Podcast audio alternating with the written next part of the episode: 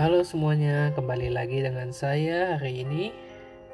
Saya mau menyapa setiap sobat pendengar di mana pun Anda berada. Anda adalah orang-orang yang luar biasa. Oke, hari ini kita akan membahas sebuah topik yang cukup menarik.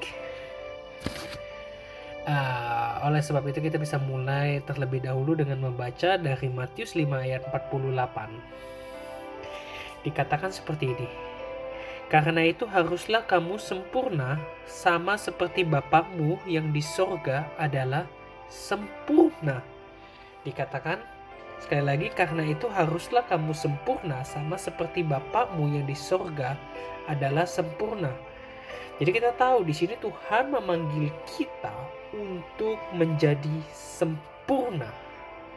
Dia panggil setiap anak-anaknya untuk menjadi sempurna. Tetapi gini, sering kali orang-orang mengikuti Yesus orang-orang yang sudah lama mengikuti Yesus yang udah pelayanan yang sudah tahu firman merasa banyak tahu firman mulai merasa sempurna. Padahal kita ini ada dua korelasi yang berbeda dua hal yang berbeda.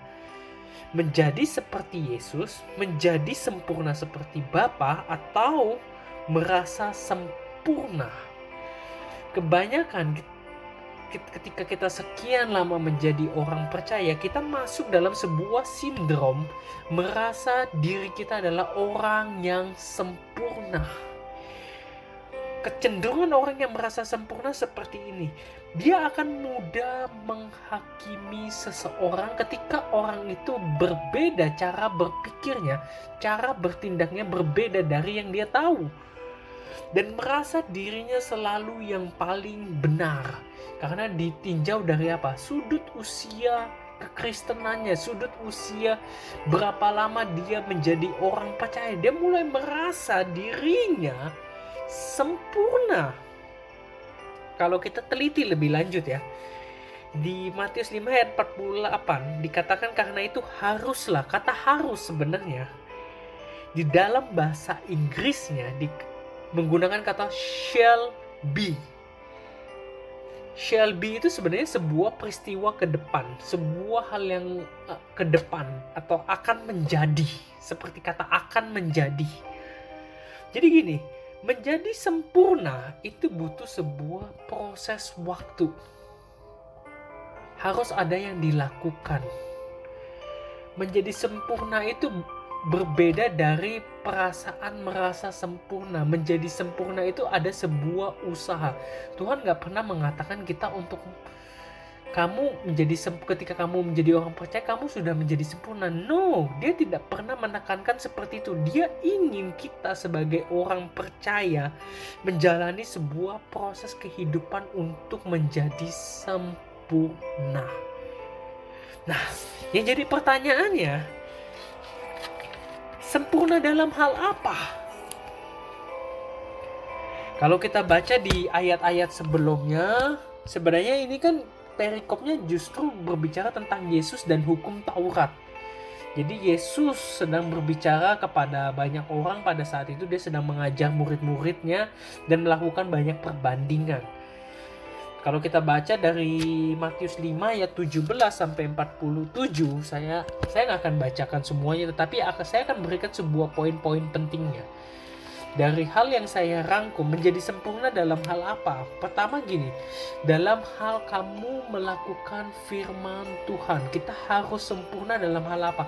Melakukan firman Tuhan. Itu yang pertama. Yang kedua, dalam hal apa kita harus sempurna? Dalam hal sikap hati kita harus selalu benar di hadapan Allah, di hadapan Tuhan. Kita memiliki sebuah sikap hati yang benar. Ketika ada orang yang bersalah, kita bisa dengan mudah mengampuni. Terus dalam hal apa lagi? Dalam sempurna dalam hal kekudusan yang ketiga, dalam hal kekudusan. Yang keempat, sempurna dalam hal apa? Integritas kita. Kalau ya katakan ya, kalau tidak katakan tidak dan kita harus menjadi orang yang memiliki integritas. Apa yang kita katakan itu yang kita lakukan. Karena sering kali yang kita lakukan kebalikannya. Kita gampang berkata-kata tapi kita susah untuk melakukan. Tuhan nggak mau kita seperti itu. Kita dia ingin kita menjadi orang yang berintegritas. Apa yang kita katakan itulah yang kita lakukan. Yang kelima sempurna dalam hal apa? Dalam hal kasih jadi kita ingat ya ada lima poin. Sempurna dalam hal apa? Dalam melakukan firman, dalam memiliki sikap hati yang kebenar. Yang kedua, yang ketiga kekudusan, yang keempat integritas, yang kelima dalam hal kasih. Jadi kita perlu tahu ya, Tuhan memanggil kita untuk menjadi sempurna seperti Bapa, bukan menjadi orang yang merasa sempurna kita harus bisa membedakan antara menjadi dan merasa. Dan saya berdoa untuk setiap sobat pendengar, walaupun proses yang kita jalani ketika kita menjadi sempurna itu sulit, tapi ketahuilah, lebih baik kita berproses dan mengalami kemajuan sedikit demi sedikit daripada kita menjadi orang yang merasa karena orang yang merasa akan cenderung gampang menghakimi dan saya berdoa biar setiap sobat pendengar adalah orang-orang yang mau menjadi sempurna, bukan orang-orang yang merasa sempurna. Tuhan memberkati.